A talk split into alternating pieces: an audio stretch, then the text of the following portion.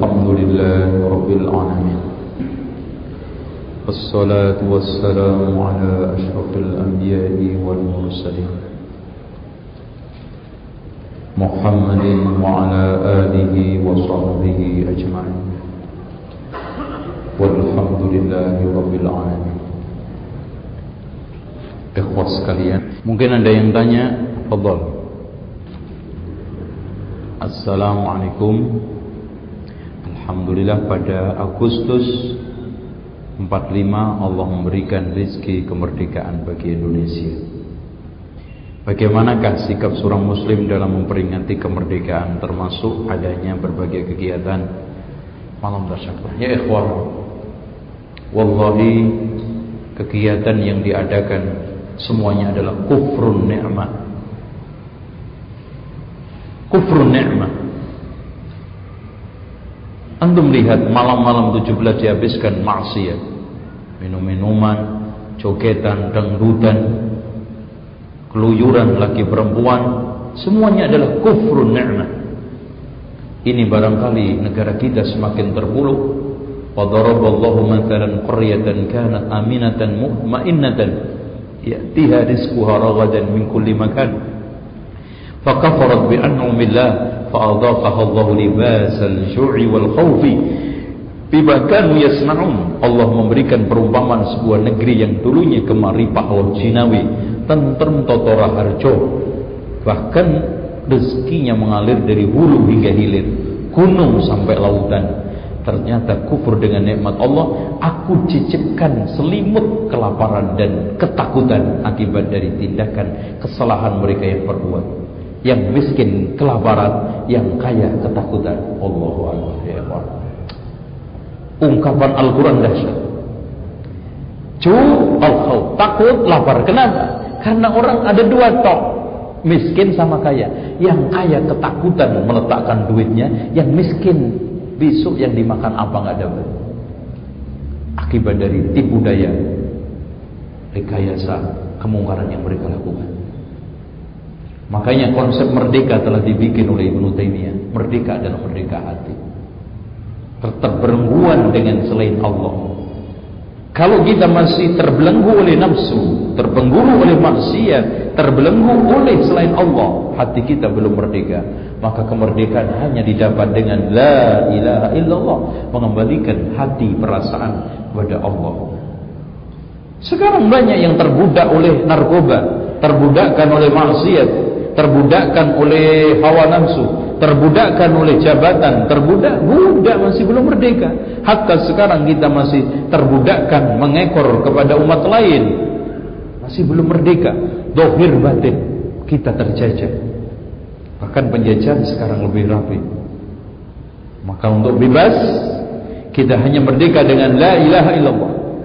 Adapun acara peringatannya Gimana sikap kita? Kalau saya jadi presiden, saya hilangkan. Makanya kalau sebelum Zainal Abidin jadi presiden, jangan tanya bagaimana menghilangkan 17 Agustus. Maka sikap kita yang terbaik sekarang mas Meminimalisir kemungkaran 17 Agustus Itu Untuk mau menghilangkan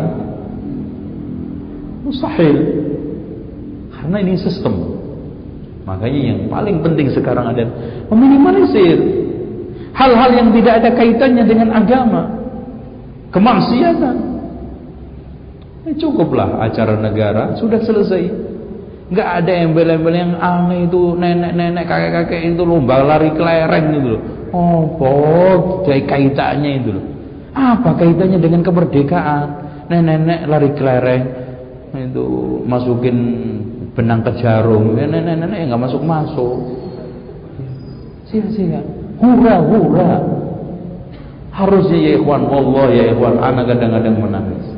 Kalau satu RT saja dana Agustus 5 juta rata-rata. Antum kalikan RT seluruh Indonesia. Berapa triliun?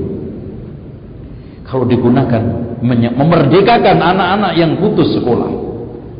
Memerdekakan anak-anak yang gelandangan memerdekakan nasib miskin yang terlantar. Merdekakan kampung dari keterbelengguan kemunduran. Minimal bersih aman. Gunakan. Jogetan dansa itu tetangga sama ini akhirnya apa? Cemburu suaminya dan sama tetangganya. Acara 17 ada yang dansa-dansa ada yang jogetan ada ya Allah. Apa makna kemerdekaan itu? Tidak ada lain kecuali itu. Joget semalam suntuk sehingga disebut republik dangdut ya ikhwan sejak kapan Pahlawan-pahlawan kita yang mayoritas muslim rela disyukurin hasil darahnya dia seperti ini.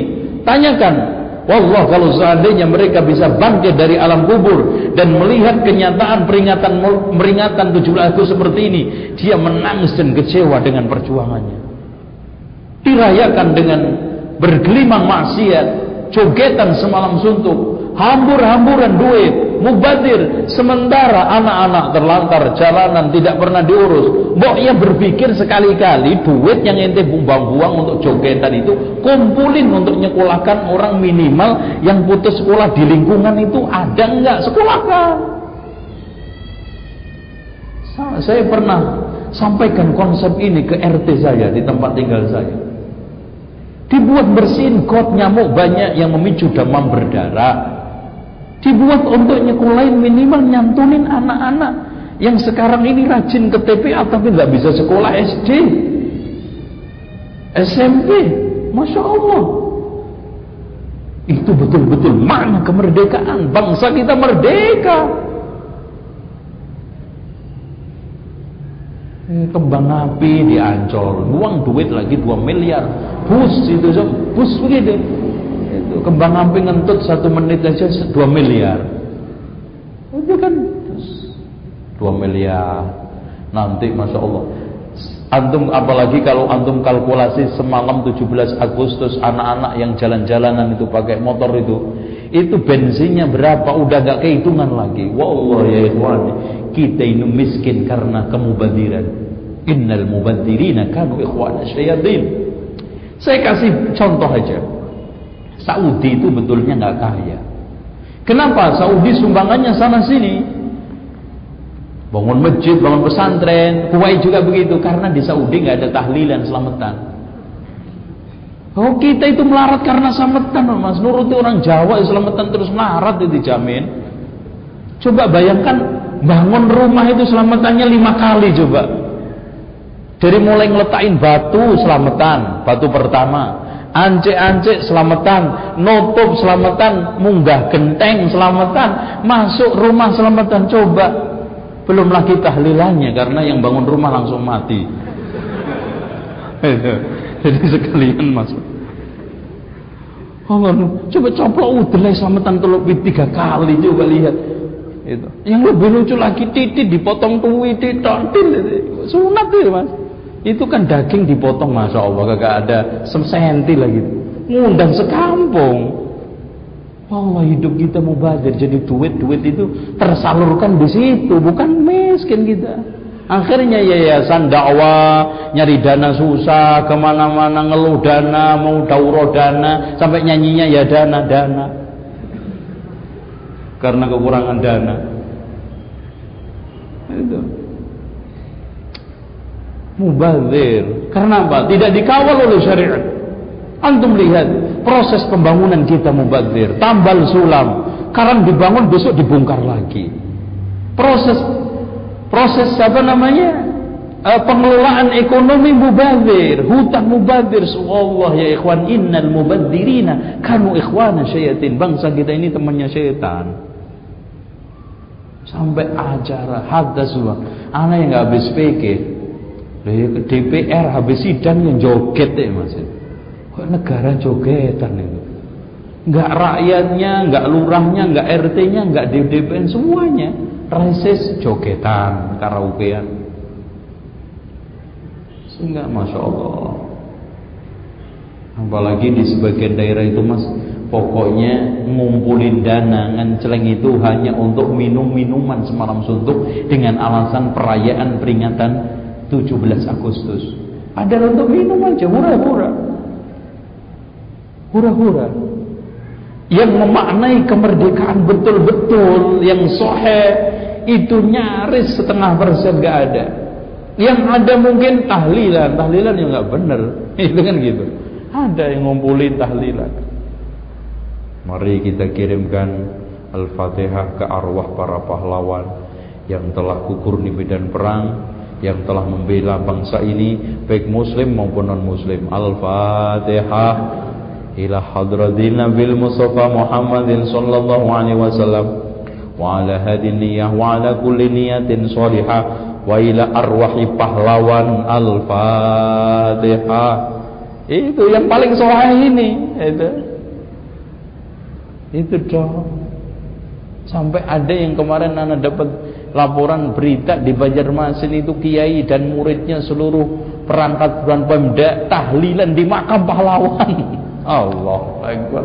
Rame-rame datang di makam pahlawan di situ tumplek blek. Allahu Akbar. Dulumatun ba'duha fawqa ba'din. Kegelapan di atas kegelapan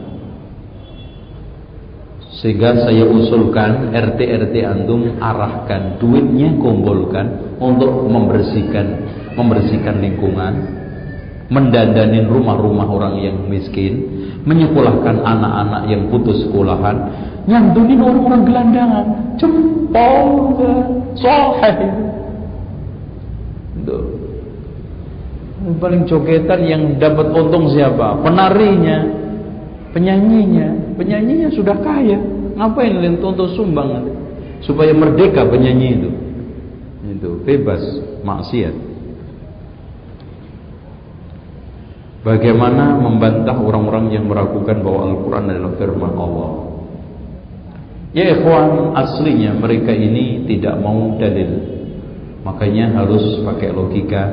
Dan intinya jangan banyak berharap untuk mereka sadar. Karena dasar pijakan mereka berbeda. Tapi intinya minimal dia kita lumpuhkan. Kita lumpuhkan. Kalau seandainya kamu mengatakan Quran itu bukan firman Allah, alasannya apa? Antum jangan bikin alasan dulu. Antum balik, dia bikin alasan, dari alasan itu kita bantah subhannya satu persatu. Tak, tak, tak. Gitu. Kalau alasannya Quran ini bukan firman Allah karena kertas, kita tanyakan, apakah dengan ditulis di kertas merubah firman Allah? Pernah nggak sekarang ulama-ulama mendahului kita, mendahului kita ini mengatakan bukan firman Allah? Padahal di dalam Al-Quran sendiri, fa ini stajaraka musyrikuna fa'ajirhu hatta yasma'a kalam Allah. Allah sebutkan di dalam Al-Qur'annya kalam Allah, firman Allah. Dan juga Rasul mengatakan wa ma eh, Allah Subhanahu wa taala berfirman wa ma yantiqu 'anil hawa in huwa wahyun yuha. Dan Allah alam tidak ada orang yang mengingkari bahwa Al-Quran itu wahyu kecuali orang ateisme yang kerdil agamanya dan tidak perlu dibantah karena dalil-dalil menunjukkan bahwa Al-Quran itu kalam Allah ghairu makhlukin dia itu tadi orang ilmu hanya cari ilmu hanya untuk diskusi. Padahal Allah jelas mengatakan hatta yasma'a kalam Allah ya wallahu intinya lihat dia menganggap subhatnya apa. Itu tinggal kita mengetahui bantahnya. Bagaimana hukumnya iuran 17 Agustus di mana biasanya tiap rumah diminta iuran dan bersifat wajib bukan suruh sukarela. Pertama, kalau wajib tidak bayar antum terkena motorot, maka min babil maslahah antum ikut iuran. Tapi kalau tidak, maka antum tidak perlu memaksakan diri karena tidak jelas. Dan kalau terpaksa bayar katakan duit saya bukan untuk tujuh belasan tapi untuk sumbangan pembangunan atau sumbangan RT titik. Ini sumbangan RT. Kecuali kalau memang acaranya acara-acara jelas bersifat apa namanya uh, syar'i tadi umpamanya dikumpulkan duitnya untuk sumbangan uh, beasiswa untuk ini nggak ada masalah itu bayar ya. Bagaimana menolak undangan tahlilan yasinan tanpa menyinggung perasaan orang yang mengundang? Gampang, gampang sekali. Pertama, ada tingkatan-tingkatan. Ini tingkatan orang yang kuat, ustadz atau siapa aja kuat posisinya diundang. Antum bilang Pak, acara tahlilan bid'ah. Udah. Kalau kita kuat, gak ada dalilnya, gak ada faedah. Tanya ya, Rasul mati pernah ditahlili enggak? Enggak. Jadi maaf saya gak datang. Ini kalau berani, pasti antum dikemplang. Keduanya, Pak, maaf, saya alhamdulillah selama ini sudah ngaji dan sudah mendapatkan banyak ilmu dari ustaz-ustaz dan alhamdulillah di antara hasil ilmu itu kan harus diamalkan. Maka ana harus berkewajiban mengamalkan ilmu yang saya dapat. Ilmu yang saya dapat di antaranya tahlilan itu enggak ada dalilnya bid'ah. Wah, melorot melorot Mas ya. Kita turunkan temperamennya. Nah, itu kan turun lagi. Ini tingkatan ketiga surganya. gitu. Antum bilangin, Pak, maaf. Semua orang dijamin bebas untuk mengamalkan, mengekspresikan pemikirannya. Nah, Undang-undang saja membolehkan orang Kristen menjalankan agamanya kok yang jelas Bapak yakin kan agama Kristen batil? Loh, yang agama batil aja dijamin oleh undang-undang. Apalagi saya ini. Tolong Pak hormatin sesama bangsa Indonesia tenggang rasa. Itu. Oh ya enak, paling enak. Terakhir ini paling kendo. Ini kelas menduan ini balat tempe. Pak maaf, saya nggak bisa hadir. Ada kesibukan penting walaupun tidur karena tidur lebih penting ketimbang bid'ah. Oh, iya enggak? Mas saya tanya, tidur dibanding bid'ah mana yang lebih sohai? Tidur lebih penting apalagi antum tidurnya niat untuk tahajud, sunnah. Loh, makanya kalau tidak usah jelasin, Pak, maaf saya ada urusan penting tidur, gak usah. Bilangin secara umum, Pak, anak ada urusan penting yang tidak bisa saya tinggalkan. Ngantuk soalnya. Tidur, Sopan, sopan. Alasan paling enak. Antum kenapa kurang alasan gitu aja repot. Ah, antum tidak kan antum sesuai dengan masing-masing kondisi. Kalau antum kondisi nomor satu, oke okay, silakan jalan. Kondisi dua, tiga atau empat. Dan semuanya natijahnya jangan hadir. Ustadz tempat saya kalau ada jenazah dimasukkan ke liang lahat diazani dulu bagaimana hukum? Ini termasuk perkara yang dikatakan sunnah tapi dalilnya adalah maudhu. Talqin atau azan itu asasnya hadis dari Abu Umama Al-Bahili ketika dia mati minta di wasiat untuk ditalqin. Tapi hadisnya ini adalah maudhu, palsu. Adapun azan adalah kias. Kalau manusia masuk ke dunia diazani, kenapa keluar tidak? Nah, masuk azan keluar azan. Padahal azan ketika lahir itu saja diperbincangkan oleh ulama kan gitu hadisnya. Itu antara maudhu dengan dhaif. Dengan demikian tidak ada alasan kita untuk mengkiaskan dengan sesuatu yang sesat. Oleh karena itu tidaklah benar mengazani mayit pada saat dili yang lahat. Yang sahih ente kubur, ente tutup, habis ditutup didoakan. Ini hadis yang sahih. Berdasarkan hadis Rasulullah ketika selesai ngubur Rasul mengatakan is'alu li istaghfiru li akhikum was'alullaha lahu tasbih fa innahu al-ana yus'al. Mintalah kepada Allah pengampunan untuk saudaramu dan keteguhan karena dia sekarang sedang ditanya. Ditanya. Hanya di sejenak berdiri di atas kubur kita doakan semoga Allah Subhanahu wa taala mengampuni dosanya dan meneguhkan agar mampu menjawab. Waduh ini buahnya tulisannya tapi jelek. Waduh kayak dokter. Mudah-mudahan bisa baca saja. Ya Ustaz, dalam sebuah pengajian saya mendengar bahwa suatu hari Rasul berjalan dengan sahabat dan berhenti di makam ibunda Rasul dan beliau duduk bersimpu, ber, bersimpu di makam ibundanya berdoa dengan khusyuk sampai menangis. Kemudian sahabat bertanya, apakah doa anda kepada Allah untuk meringankan beban ibunda? Akan diterima ya Rasulullah sedang ibunda anda belum sempat beriman. Pada Terus sabda saya melakukan ini hanya sebagai bentuk bakti saya pada ibu saya Walaupun dia telah meninggal.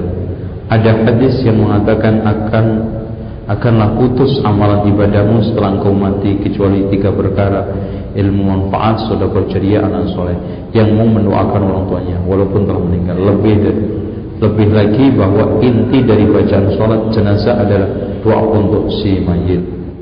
Ikhwan, Jelas hadis ini maudhu.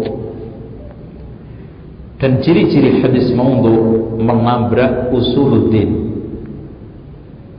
Usuluddin sepakat Allah Subhanahu wa taala berfirman, "Ma kana lin-nabiyyi wal-ladzina amanu ay yastaghfiru lil musyrikin walau kanu uli qurba." Surat At-Taubah Tidaklah layak bagi Nabi dan orang-orang beriman memintakan ampun kepada orang yang mati dalam keadaan syirik walaupun kerabat dekatnya. Bahkan ketika Rasulullah SAW minta izin untuk mendoakan Abu Talib ditolak. Dan ya ikhwan, tolong camkan hadis yang sahih diriwayatkan di dalam sahih Muslim. Ketika ada orang yang tanya, "Ya Rasulullah, aina abi? Bapak saya di mana?" Abu Kafinnar, bapakmu di neraka. Nangis. Setelah itu dipanggil. Abi wa abu kafinar. Bapakmu sama bapakku dua-duanya di neraka. Agak sedikit adem karena ada temannya. Gitu. Orang susah kalau ada temannya kan jadi enteng. Ini menunjukkan bahwa orang tuanya Rasulullah benar. Abu Talib benar. Abdul Muttalib benar juga. Karena Abu Talib mata ala dini Abdul Muttalib. Bahkan Rasulullah ketika minta izin Allah untuk mendoakan orang tuanya ditolak. Kemudian minta izin ziarah kubur diizinkan. Ini menunjukkan bahwa kalau ziarah kubur boleh. Walhasil hadis ini nampak menabrak usuluddin dan ini ciri-ciri hadis maudhu. Apakah dalam membenci kekafiran atau kemusyrikan atau kebid'ahan adalah perbuatannya saja atau pelakunya? Tolong disebutkan keterangan dari Al-Quran dan Sunnah. Telah sampai berita kepada Ana bahwa Rasulullah pernah menyuapin orang Yahudi yang buta. Apa ini soheh? Ini ceritanya orang-orang uh, partai untuk cari dukungan dari non-muslim. Allah ya ikhwan hadis-hadis mau untuk untuk cari dukungan dari non muslim jadi keluar yang Rasulullah nyuapin Yahudi yang Rasulullah macam-macam enggak ada ngapain nyuapin anjib nah saya jawab yang pertama. Ya ikhwan. Konsekuensi al-wala wal bara al-hubbu ma yuhibbullah wa man yuhibbullah wal bughdu yubghidu ma yubghidullah wa yubghidu man yubghidullah Konsekuensi wala wal adalah mencintai apa saja yang dicintai Allah dan mencintai siapa saja yang dicintai oleh Allah dan membenci apa saja yang dibenci oleh Allah dan membenci siapa saja yang dibenci oleh Allah. Jadi dibenci pemikiran dan siapa orangnya. Sehingga di dalam banyak firman Allah di antaranya tajidu qauman yu'minuna billahi wal yawmil akhir yuwaduna man hada Allah wa la tajidu qauman yu'min kamu tidak akan mungkin menemukan sekelompok kaum yang mencintai berkasih sayang kepada orang-orang yang memusuhi Allah dan Rasulnya orangnya. Cuman katanya Syekhul Islam Ibnu Taimiyah benci dan cinta dibagi menjadi tiga ada orang yang kita wajib benci secara mutlak walaupun secara pribadi menguntungkan yaitu non muslim kafir. Ada orang yang wajib kita cintai secara mutlak yaitu mukmin kamilul iman walaupun menyakitin secara pribadi hati saya. Ada orang yang satu sisi kita cintai, satu sisi kita benci yaitu mukmin yang ahli maksiat. Dari sisi imannya, solatnya kita cintai, tapi maksiatnya kita benci. Dari sini kita harus hati-hati membenci pribadi dan perbuatannya. Namun ada batasan muamalah dunia. Jadi bukan berarti kebencian kita terus kita ekspresikan ngawur ketemu orang muslim langsung digasak. Ya, wow, itu disuruh Rasulullah benci orang kafir. Ada aturannya ya ikhwan. Tolong dicamkan. Subhanallah Islam mengajari kita beradab sampai amam iblis sama syaitan. Allah Sampai ada judul akhlak ma'as syaitan ya ikhwan. Kita dianjurkan berakhlak sampai sama syaitan. Dalilnya pernah Rasulullah SAW boncengan sama sahabat, kemudian untanya kepleset. Lalu sahabat mengatakan, "Ta'isha syaitan, celaka itu setan." Setelah itu Rasulullah mengatakan, "La taqul ta'isha syaitan, fa innahu yakbur." Walakin kul bismillah wa innahu yasghur hatta yasira kadzubab. Jangan kau katakan celaka setan nanti membesar. Katakan bismillah setan akan mengecil sekecilan. Coba lihat. Muamalah juga sama setan. Sampai ya ikhwan, walaupun setan mengganggu kita setiap saat ketika berhubungan, Enggak mungkin kan kita mau berhubungan terus ngumpat-ngumpat kurang ajar setan mengganggu gue baca enggak. Tapi ada akhlak. Allahumma jannibni syaitan wa jannibi syaitan ma pakai ada. Masuk WC. Allahumma inni a'udzubika min al-khubuthi wal khaba'ith. Subhanallah, ama syaitan aja punya akhlak. Makanya ikhwan kalau muslimun dikatakan gak punya akhlak, itu merupakan kedustaan. Karena kita diwajibkan berakhlak mulia. Hatta ma'as syaitan apalagi ma'al ada musuh manusia. Artinya ada caranya memusuhi itu. Nggak ngawur. Itu. Sehingga tolong kecintaan harus juga diikat oleh syariat. Kebencian juga harus diikat oleh dalil. Nggak boleh ngawur. Ini cinta dan benci karena Allah. Man ahabba lillah wa abghadha lillah wa adha lillah wa mana'a lillah faqad istakmala iman siapa yang cinta karena Allah benci karena Allah memberi karena Allah tidak memberi karena Allah imannya telah sempurna uh, sudah selesai daurah kita atau kajian kita dari pagi jam 8 sampai jam 3 insyaallah saya ingin menyimpulkan bahwa sunnah itu indah di hadapan orang-orang yang mau menerapkan.